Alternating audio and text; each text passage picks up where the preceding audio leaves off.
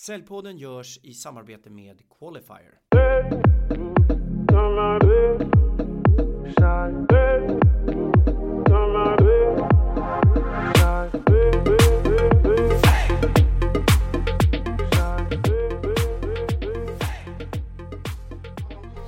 Hej och välkommen till Säljpodden.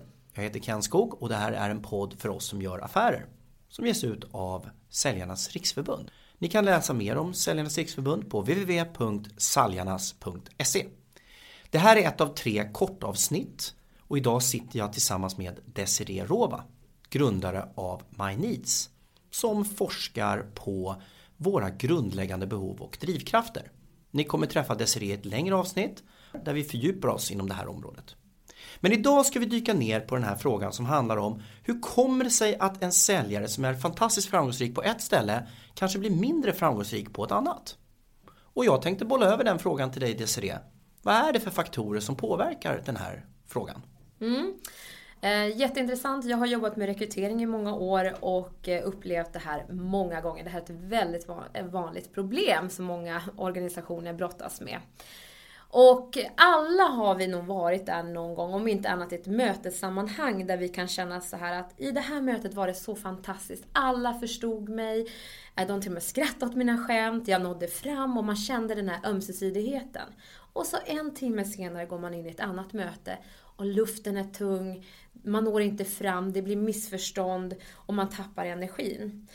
Och på samma sätt så kan det bli med arbetsplatser. Att du kan ha haft en fantastisk historia och framgång inom ditt säljyrke och så helt plötsligt så hamnar du i ett annat bolag och det når inte hela vägen fram.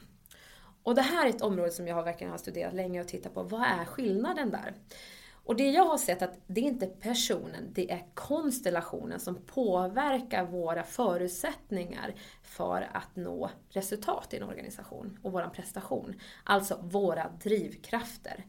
Men det är inte bara våra drivkrafter, också vad de andra har för drivkrafter och vilken norm och kultur det skapar i just det säljteamet. Och sen även den parametern att, okej, okay, vilken konstellation befinner sig kunderna i? Och hur pass väl matchar den oss?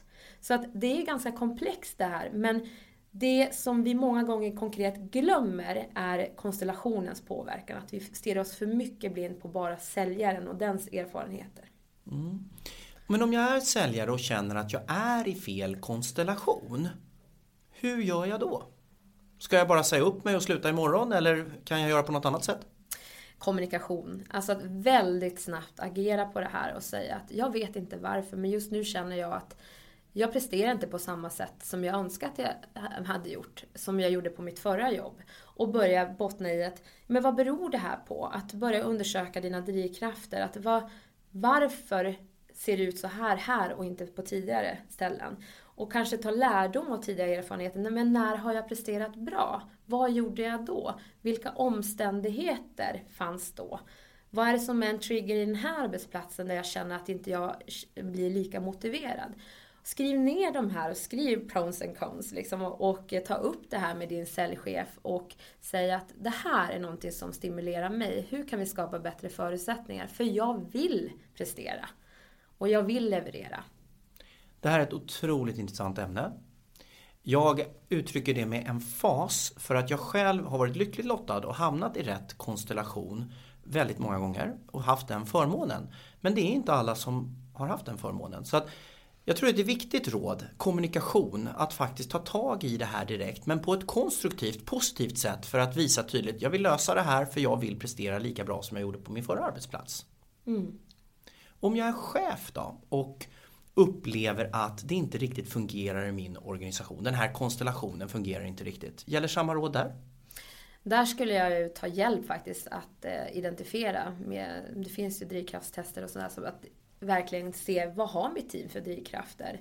För annars blir det lätt den här att man pekar finger. Alltså, ja, men, eller man har den här elefanten i rummet och, och antar en massa saker som man inte har konkreta belägg på. Och det kan bli en fara när det kommer till tillit och förtroende att man faktiskt verkligen undersöker vad det här kan bero på. För oftast har vi inte ens kunskap om vår egen motivation. I och med att de ofta är omedvetna för oss om man tittar på forskningen. Och då hänvisar jag då till Self-Determination Theory och My Needs forskning kring det här. Så att det är verkligen ett konkret råd att anta inte utan undersök och ta reda på och sen agera. Anta inte, kommunicera tidigt. Det är två råd. Mm. Det här är som sagt ett av tre kortavsnitt med Desiree. Ni kommer träffa Desiree i ett längre avsnitt. Och ni kan också läsa mer om My Needs på www.saljanas.se. Och välkomna tillbaka och lyssna på Säljpodden framöver. Tack så hemskt mycket. Tack.